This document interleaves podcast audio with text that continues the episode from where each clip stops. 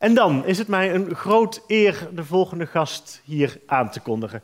Een schrijver, filosoof en columnist. In 1989 verscheen zijn debuutroman De Zonen van het Uitzicht, waarmee hij het jaar daarna de Multatuli-prijs won. Latere publicaties werden genomineerd voor de Libris Literatuurprijs en de Gouden Uil. En in 2008 won hij voor zijn volledige oeuvre de Frans Kellendonkprijs. Ruim tien jaar lang schreef hij columns voor de Volkskrant. In 2010 verruilde hij deze stek voor een aanstelling bij NRC Handelsblad, waarin hij in 2012 zijn transitie naar het mannelijk geslacht wereldkundig maakte. Over dat proces verscheen het boek De Maakbare Man. Dames en heren, zoals gezegd, een grote eer mag ik u applaus voor. Maxime Februari.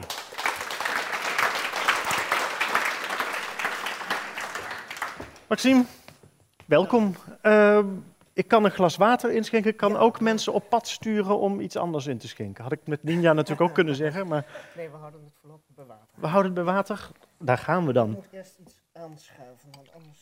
Oh nee, dan hoort niemand... Ja, nee, dan... Anders hoort niemand mij. Nee, en voor, voor je het weet moet je in mijn microfoon praten. Ja, nee, zo, zo moet het lukken. Dit is te verstaan, dames en heren? We begonnen zachtjes, geloof ik, en dan werd het langzamerhand volume opgevoerd voor de suspense alweer. En volgens mij moet u nu, nu hoor ik het zelf al. Ja. We hebben uh, van tevoren niet met elkaar afgesproken of we tutoyeren of... Nee, laten we dat maar wel doen. Dat Toch is, wel uh, doen? ja, ja. Nou, bij deze. Gezelligheid en het gemak. Nou, uh, proost. Laten we het allemaal doen trouwens. Ja, zegt u allemaal... Laten we, laten we het afspreken. U mag nu allemaal, ik tel tot drie, zegt u gewoon jij. Drie, twee, één. Ja. Voilà, publieksparticipatie. Um, we gaan het hier hebben over de maakbare man. En voor Literatuur Late Night is het eigenlijk vreemd. Normaal gesproken praten we over een boek dat de afgelopen paar weken tot maanden verschenen is. Dit is een boek dat anderhalf jaar geleden uh, gepubliceerd is. En daarmee is het bovendien nu uh, twee jaar na de publieke coming-out en tweeënhalf jaar na het begin van de transitie. Zeg je dat goed? Je hebt flink meegerekend. Ja, nee, dit klopt. 2,5 jaar, ja. Ja. Dat is de allereerste vraag. Hoe is het met je? Ja, heel goed. Wat betreft die 2,5 jaar realiseer ik me ook nu ik hier ben... dat ik uh, voor mij um, uh, dat praten over die transitie eigenlijk uh, over is in mijn ja? persoonlijke leven. Professioneel natuurlijk niet. Als er als er een uitnodiging komt om over een boek te komen praten, je hebt een boek geschreven, dan moet je ook komen, komen praten en, en, en, en in gesprek gaan. Hoeft niet. We kunnen het over iets heel anders um, hebben. Ja, dat komt er vanzelf van, denk ik, dat we het over iets heel anders gaan hebben. Maar het is uh, wel zo dat ik natuurlijk zo gewend ben inmiddels, en ook al zo lang, zodra ik gewoon de straat oploop en in winkels ben, uh, gewend ben, dat het niet meer vreselijk tot dagelijks nieuwe bespiegelingen en beschouwingen leidt. Um, Wanneer is dat gestopt? Want de eerste periode, is, dat, is alles nieuw? Nou, ik zat net te luisteren naar wat, wat uh, Ninja Weijer zei over Marina Abramovic en dat hele verschijnsel van in de literatuur zijn. En ik dacht opeens, Abramovic zou enorm trots op mij zijn, want ik ben uit de literatuur gestapt en het, de performance is, is leven geworden. Want ik ben ooit uh, gedebuteerd onder de naam M. Februari. En dat was eigenlijk ook al omdat het hele boek ging over um, uh, een auteur die dan weer eens een vrouw was en dan weer eens een man was. Dat was een heel raadselachtig boek wat dat betreft. Um, maar daar was het nog een performance natuurlijk. En ik ben heel lang M. Februari geweest. Ook in de tijd dat ik in de krant schreef dat er geen foto bij stond. Heel veel mensen dachten dat ik een mannelijke auteur was.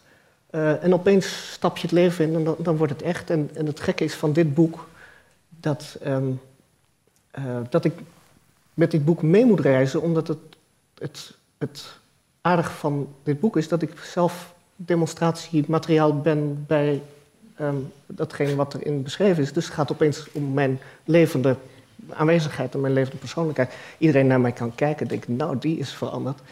Um, maar ik, ik maakte op uit de aantekening in dit boek dat het niet begonnen is vanwege die performance.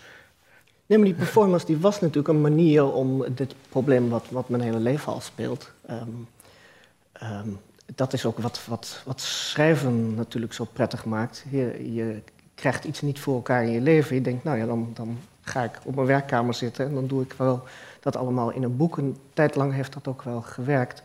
Totdat je merkt dat ehm, de kunst toch niet helemaal de vervanging is van het leven. Dat er in het dagelijks leven ook echt iets moest gebeuren. Um, maar, die, maar, die, dingen lopen wel door elkaar.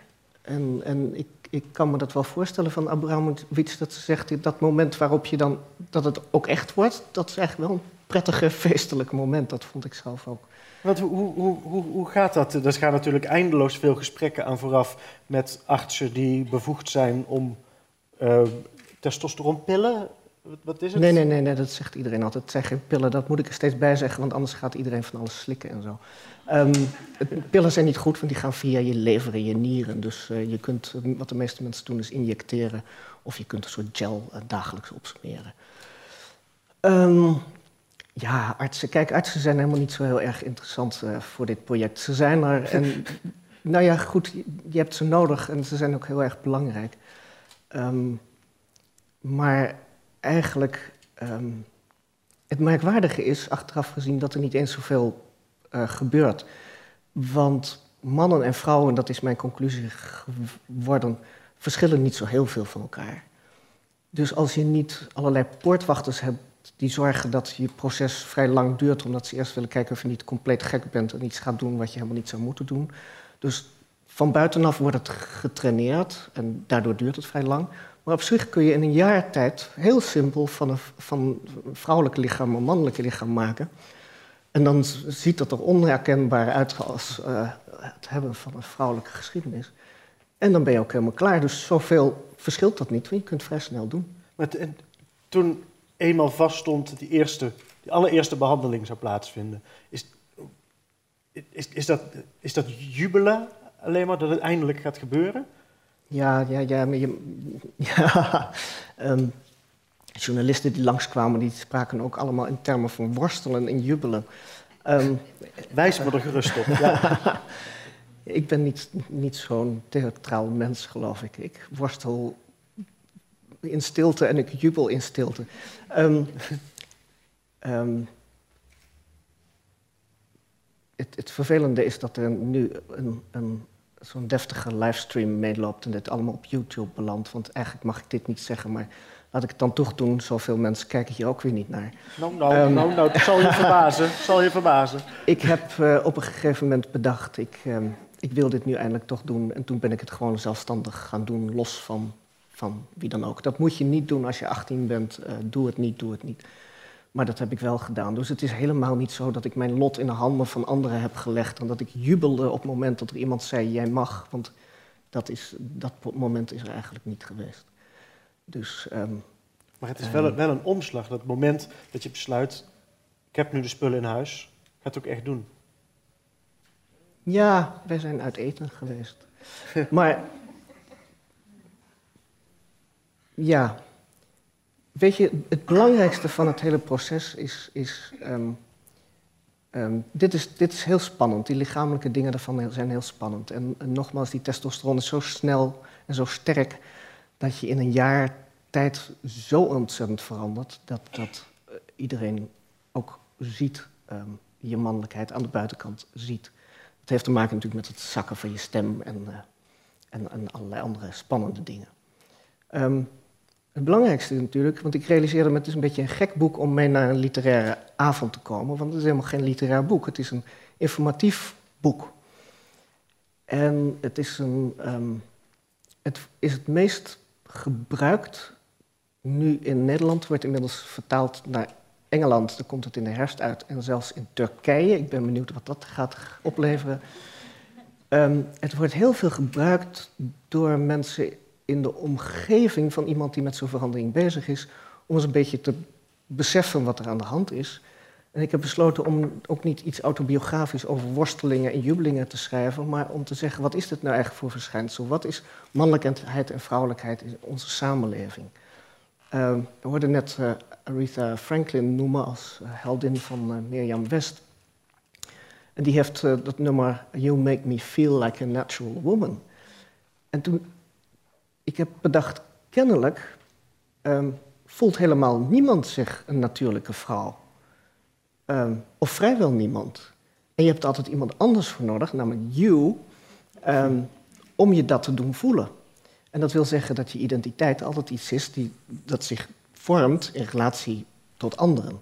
En u weet zelf, ik ben ervan overtuigd dat u het allemaal kent, of je nou een man bent of een vrouw en hoe ze precies, precies identificeert, dat de een je mannelijker doet voelen dan de ander en de ander je vrouwelijker doet voelen dan de ander. Er zijn mensen die roepen verschillende dingen in je op. En er zijn mensen bij wie je compleet neutraal bent. Ehm, dat heeft natuurlijk ook met, met romantische spanningen en zo te maken. Maar iedereen schuift daar een beetje in. En ik dacht, het is interessanter om daarover te schrijven. Het verschijnsel dat één op de honderd mensen naar schatting wordt geboren met een lichaam dat niet volledig mannelijk of vrouwelijk is. Er is, is zoveel, er zijn zoveel mensen die daar een beetje in, in, in uh, heen en weer schieten. Dat om het alleen maar over transseksualiteit te hebben, alleen maar over mijn verschrikkelijke lijden in mijn, eh, in mijn, uh, in mijn afschuwelijke leven, is niet zo heel erg interessant. Het is interessanter om te zeggen, die mannelijkheid en vrouwelijkheid, waar wij altijd maar van doen alsof het vaststaat, dat is helemaal niet zo. En, en kijk daar eens naar, wat betekent dat bijvoorbeeld juridisch? Uh, zouden we daar niet wat, wat schappelijker mee om kunnen gaan? Toen ik dat schreef, was uh, die officiële administratieve ambtelijke geslachtsverandering of geslachtsaanpassing nog niet mogelijk in Nederland. Inmiddels is die wet veranderd en is, is het vrij simpel om naar het gemeentehuis te gaan en te zeggen: Oh, by the way, ik ben geen man, ik ben een vrouw en willen jullie dat even aanpassen? Voor de, voor de naamsverandering las ik nu in deze aantekeningen dat de rechter heeft moeten verklaren. Uh... Nou ja, ik zat nog een beetje in het oude. De wet is pas. Wat zitten we nu? September in, in, per 1 juli ingegaan. Dus ik zat nog met allerlei oude regelingen. En um, ik heb eerst mijn naam laten veranderen, omdat ik zo vaak ergens mijn paspoort moet laten zien. En dan krijg je problemen.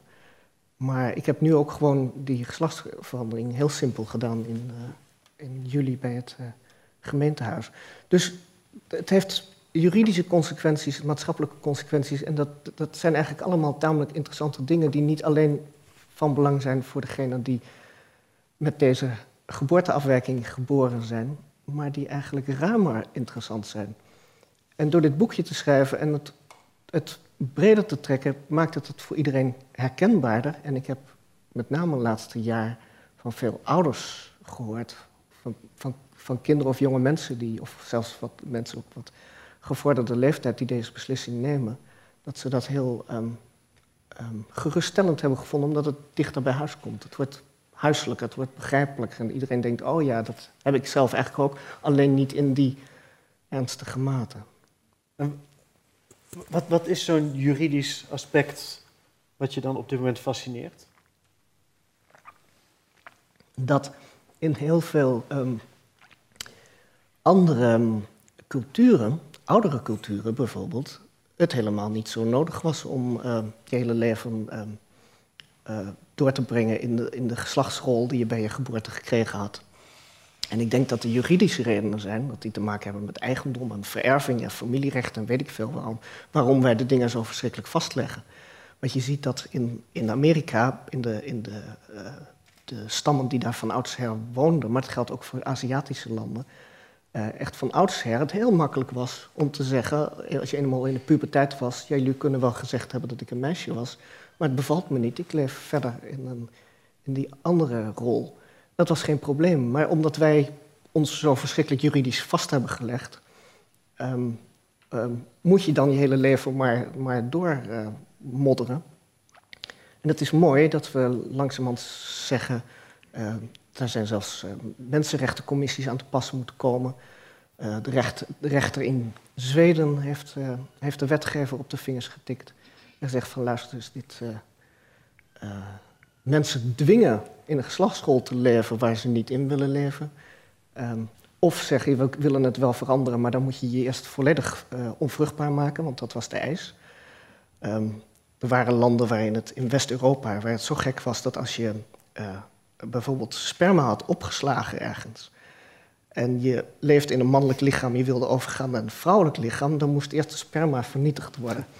En, en daarvan hebben een aantal rechters en, en mensenrechtencommissies gezegd... nou, dit is te gek voor woorden. Die en wat, en wat, wat, zou het zijn waarom daar zo paniekerig over wordt gedaan? Want we kunnen nu simpel zeggen... Wat, wat, wat heeft iemand er voor last van als zijn buurman besluit om het anders aan te pakken? Er zou geen bezwaar hoeven zijn.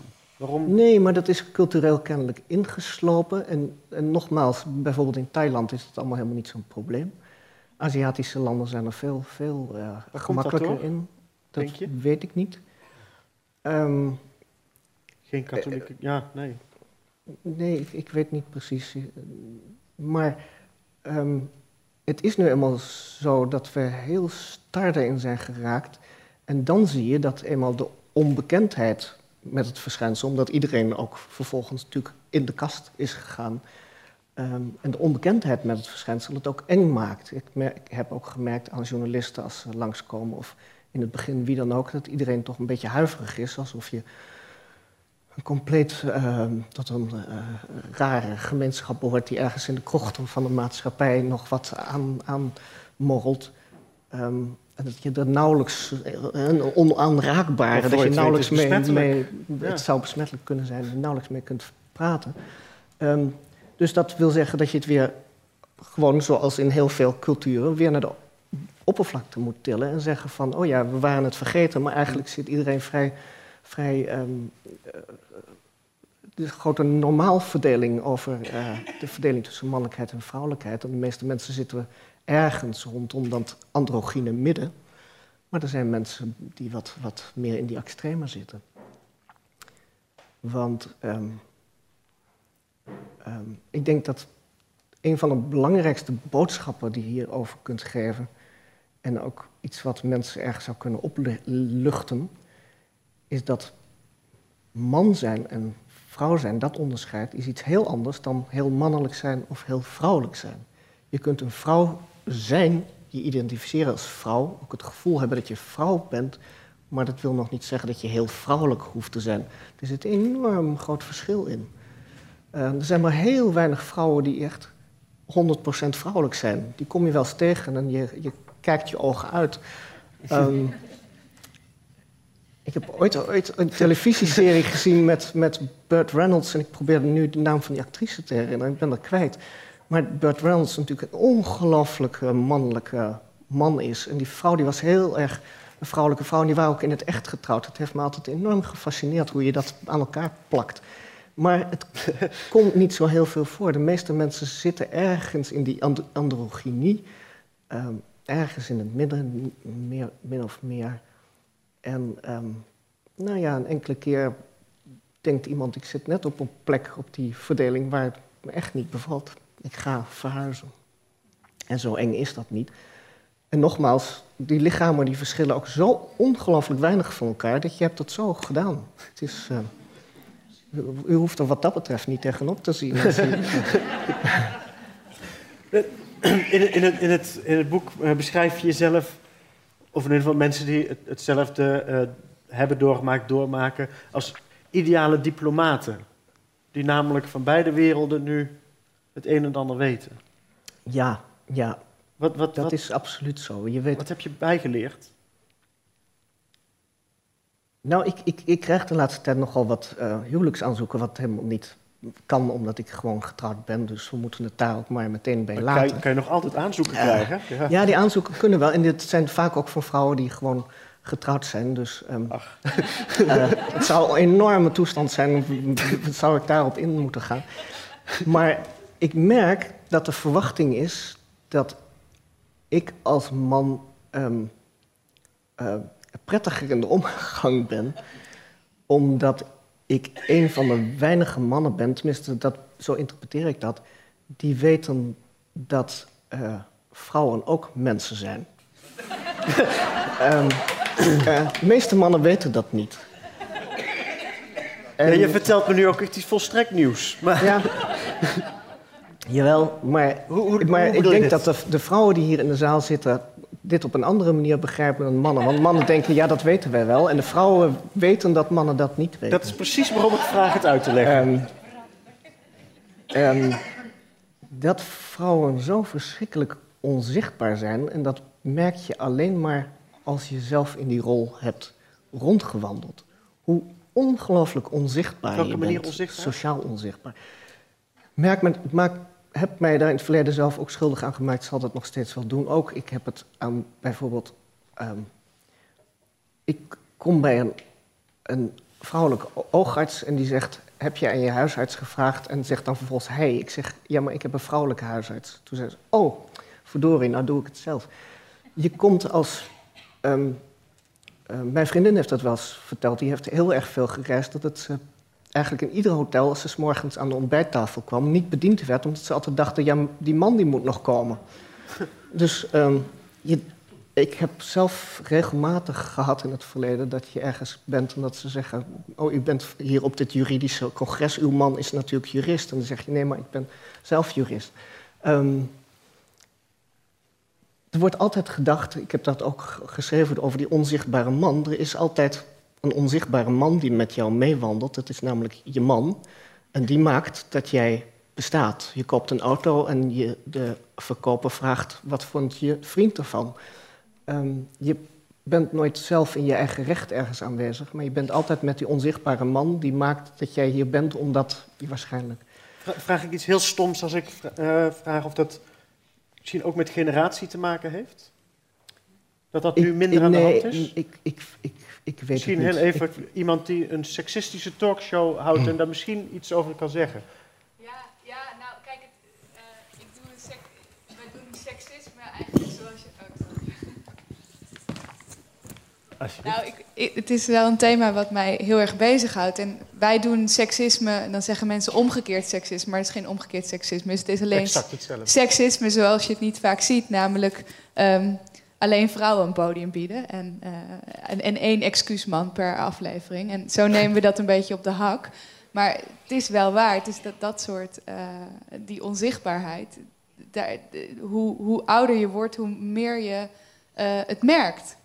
Hoe, hoe verder je professioneel komt, hoe meer je het merkt. En eh, daarom, eh, ja, toen, toen dachten we, we moeten daar iets mee. En dus ook mijn generatie is het wel degelijk allemaal nog aan de hand. Misschien wat minder, dat mensen minder snel dan echt verwachten van... er hoort nog een man bij. Maar dat, dat onzichtbare, dat, dat ken ik maar al te goed. En, eh, en ja, dat, dat, daar, daar is echt nog heel veel, heel veel werk aan de winkel.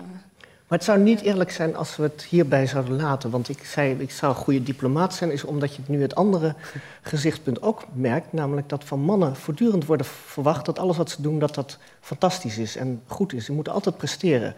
Een vriendin van mij die heeft deze reis de andere kant opgelegd, ge- ge- afgelegd. Dus die leefde vroeger in de mannelijke persona en tegenwoordig in de vrouwelijke persona. Die zegt, het is zo makkelijk. Als, ik iets, als er iets niet lukt, dan doe ik gewoon heel onschuldig en heel onnozel... en er komen altijd mensen mij helpen. Ehm, je hoeft opeens veel minder.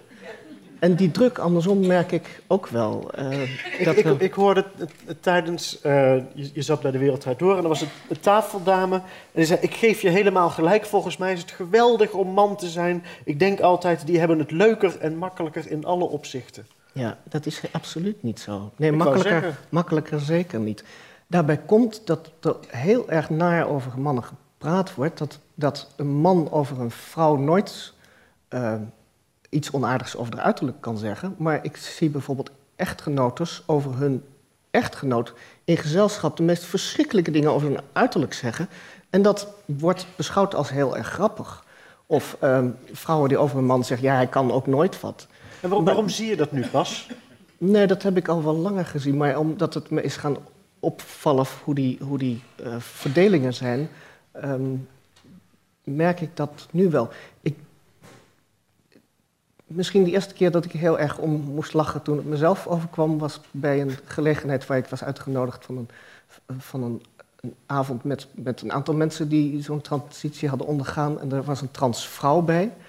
Een erg mooie vrouw trouwens, die tegen mij opeens zei: ehm, Ja, ik zou natuurlijk nooit met jou uitgaan, want je bent veel te klein. En ik denk, nou ja, wat krijgen we nou? Ten eerste ben ik helemaal niet zo klein. Ik ben 1,80 meter, daar ben ik tegenwoordig enorm trots op. Ehm, en ten tweede zou ik het niet in mijn hoofd halen om in het publiek tegen haar te zeggen: Ik zou nooit met jou uitgaan, joh, je bent veel te groot. En dat was voor de eerste keer dat het mezelf overkwam. want dat was mij in het verleden nooit gebeurd. Dat je in het publiek, dat er iemand iets ontzettend onaardigs over je uiterlijk zegt... en dat dat als compleet normaal wordt, uh, wordt beschouwd. Dus dat zijn wel rare dingen die je gaan opvallen, in dat, zolang je in dat tussengebied zit. Het gaat dan alleen om, om uiterlijk. Bij de, bij de vrouwen ging het net dieper. Het gaat om onzichtbaarheid, om...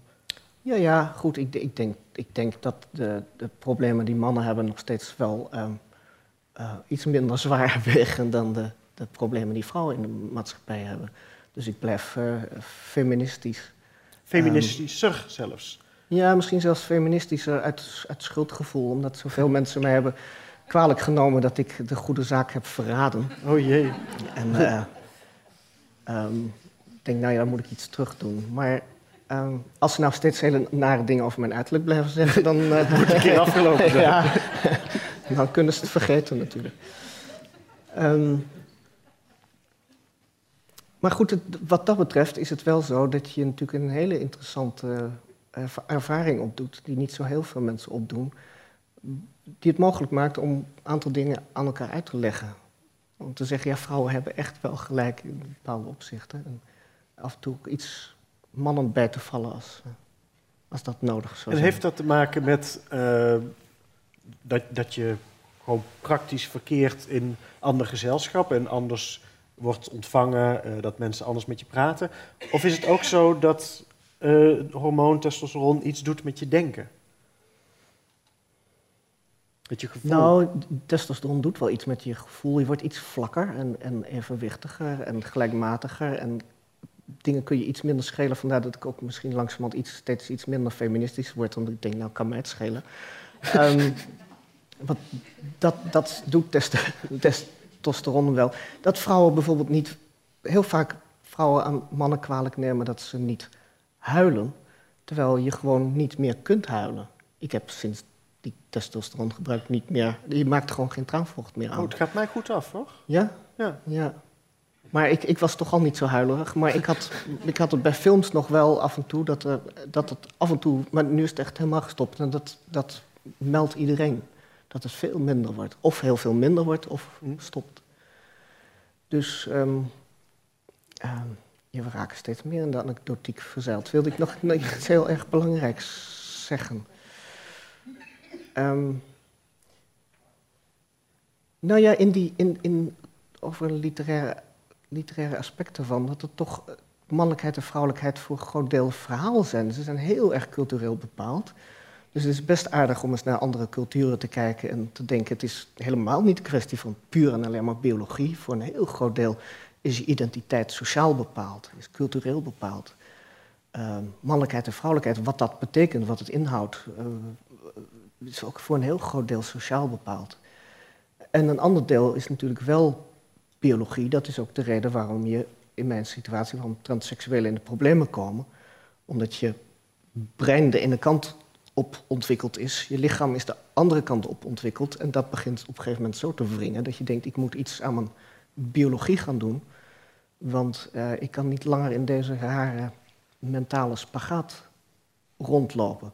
Dus dat is eigenlijk wel weer een bewijs voor het feit dat identiteit ook een biologische component heeft. Transseksualiteit is een heel erg biologisch, fysiek verschijnsel.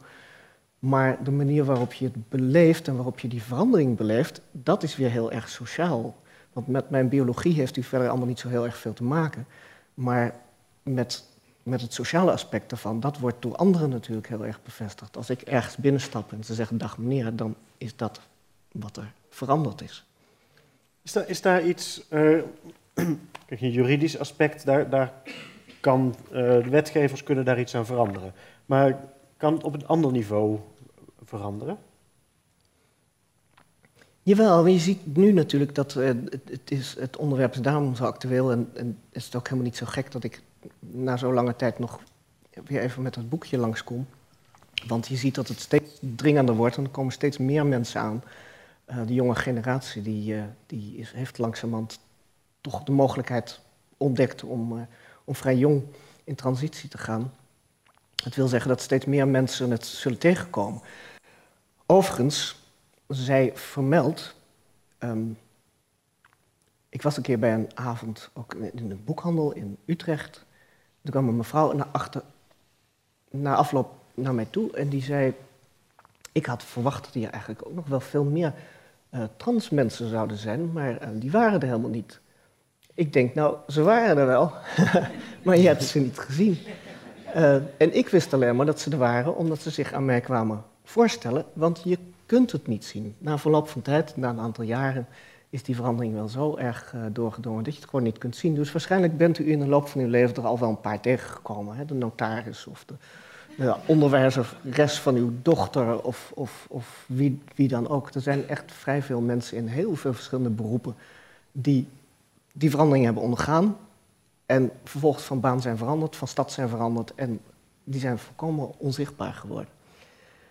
Dat is een groot probleem van die transseksualiteit, want je komt ze dus voortdurend tegen, maar u herkent ze niet, dus u... Um, oh, we zouden het tutoyeren. Jullie.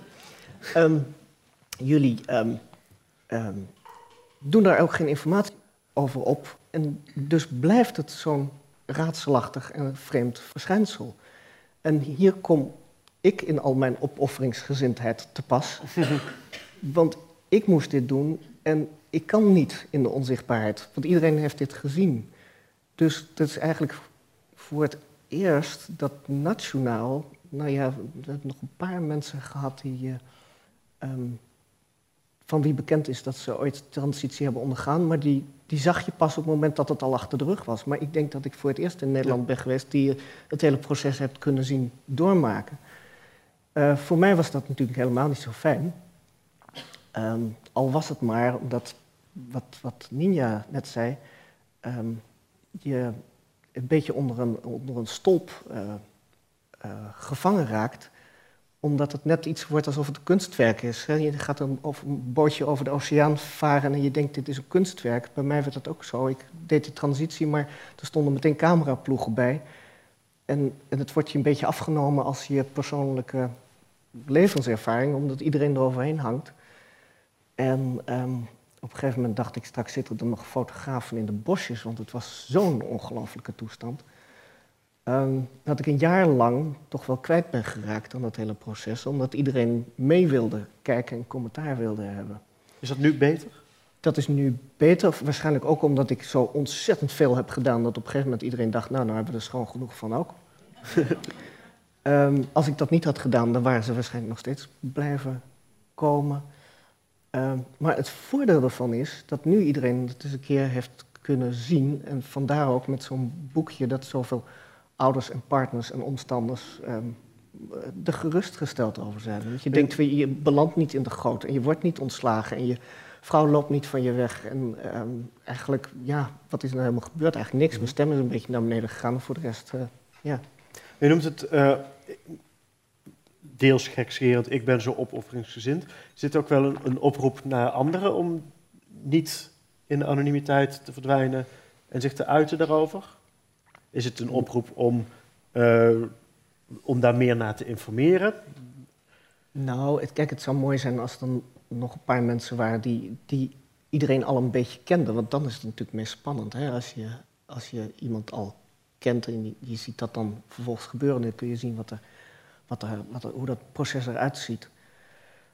Um, uh, er zijn natuurlijk nog wel mensen de laatste tijd ook, ook rondom mijn coming out en ik had niet zin om alles te doen. Dus dan is, zijn de redacties wel op zoek gegaan naar anderen. Dus um, gelukkig zijn er een aantal mensen, uh, iemand van de politie in Groningen bijvoorbeeld, die, uh, die politievrouw is tegenwoordig. En um, dat, is, dat is eh, goed. En vooral ook dat je de zichtbaarheid hebt in dat soort beroepen. Um, het is, is, is goed als je langzamerhand die hele variëteit steeds meer kunt zien. Want het hele dramatische van transseksualiteit is dat het beeld bepaald wordt door de enigen die het niet lukt om onzichtbaar te worden. Want die hebben we allemaal wel eens een keer gezien. Hè? Iemand waarvan je denkt van ja, ik kan toch wel zien wat er hier aan de hand is. En iedereen denkt dus, het algemene publiek en ouders van kinderen die met dit verhaal aankomen, die denken, oh mijn god, je blijft je hele leven lang zo zichtbaar over straat lopen. Maar in de meeste gevallen is dat, helemaal niet, is dat helemaal niet zo. En um, dus die angstigheid. We hebben dat vroeger met homoseksualiteit gehad. Dat ouders ook als hun kind daarmee aankwam, dachten van nu is mijn kind voor eeuwig verloren. Nou, dat bleek ook wel mee te vallen. En ik denk dat dat nu met transseksualiteit zal moeten gebeuren. Dat er een beetje een emancipatiebeweging ehm, op gang komt. Die ook zorgt dat er juridische dingen goed geregeld worden. Dat de zorg goed geregeld wordt. Nou ja, daar, dat is uh, de stap die de homoseksuelen al een tijd geleden hebben, uh, strijd hebben geleverd. En die zal hier geleverd moeten worden. En uh, nou ja, ik leen, mijn hoofd daarbij uit. Je schreef op een gegeven moment, de, de transmannen zeiden tegen me... jij hebt het beeld echt veranderd, je taak zit erop, ga nu iets leuks doen. Ja. Ga je iets leuks doen? Doe je al iets leuks? ik schrijf een roman, wat dus helemaal niet leuk is. um, Um, um, ja, maar dat, dat is wel zo. Ik, ik, moest wel weer even afkicken van dat jaar, want ik vond het behoorlijke, behoorlijke tour om dat zo openbaar te doen. Maar uh, ja, het, leven is ontzettend veel leuker en, prettiger geworden. En dat, dat is iets wat je, waar je aan moet wennen, wat er allemaal mogelijk wordt op, opeens. Al was het alleen maar ergens koffie gaan drinken, wat altijd een enorme drempel is geweest en wat nu opeens zoveel makkelijker is. Dus dat is een kwestie van uh, gewenning en het afschudden van alle zenuwen en spanningen daaromheen. Kan je dat uitleggen? Uitleggen wat er, wat er. Ja, kijk, als je. Waarom was het koffiedrinken ja. vreselijk van tevoren? Nou, omdat je. Um, een heel leven het gevoel hebt compleet voor gek te lopen. Um, ik heb het in een boekje nog beschreven, een vriend van mij ook zei, leg dat nou eens uit. Ik zei nou tegen hem, stel je voor dat jij nu vanmiddag ergens naartoe moet, met heel veel mensen, maar je moet er in een jurk naartoe. En iedereen zegt de hele middag mevrouw tegen je, hoe zou jij je dan voelen? Toen zei hij, ik zou me verschrikkelijk voelen. Ik zei, nou dat, dat is het. Dus je denkt altijd, ik loop voor gek en iedereen ziet het. En vervolgens, toen ik dat aan mensen uitlegde, toen zeiden ze, ja, maar niemand ziet het, dus dan is het helemaal niet erg. Dan kun je het net zo goed niet doen. Ik zei, maar dat, dat, dat valt niet weg te rationaliseren. Um, dus het, het, het, um, het gevoel echt volkomen mislukt te zijn, wat in feite ook zo is natuurlijk, omdat je uiterlijk mislukt is, omdat het niet strookt met hoe je, hoe je denkt dat het eruit moet zien. Um, dat uh, neem je zo op een vrij simpele manier eigenlijk weg. Want ik heb um, een enkele keer wel, wel, ook in verband met mijn leeftijd, ik begon op mijn 49ste, ik ben nu 51. Uh, zeiden mensen, nou ja, god, je bent al zo oud, moet je dat nou toch allemaal nog over ophalen? maar ik zeg, ja, mijn, mijn, grootmoeder werd 94, stel je voor dat ik dat doe, dan moet ik nog 40 jaar zitten wachten. En, um, maar het is in feite zo'n ongelooflijk eenvoudige uh, handeling. Waarom zou je het, waarom zou je het niet doen? Um, nou, ik wilde daar nog iets heel inzichtelijks aan toevoegen, maar dat ben ik nu volkomen kwijt. Ik ga er heel graag over nadenken waarom ik het niet zou doen. Ik wil je heel erg danken voor dit gesprek. Dames en heren, mag ik een groot applaus. Maxime Februari. Dank u wel.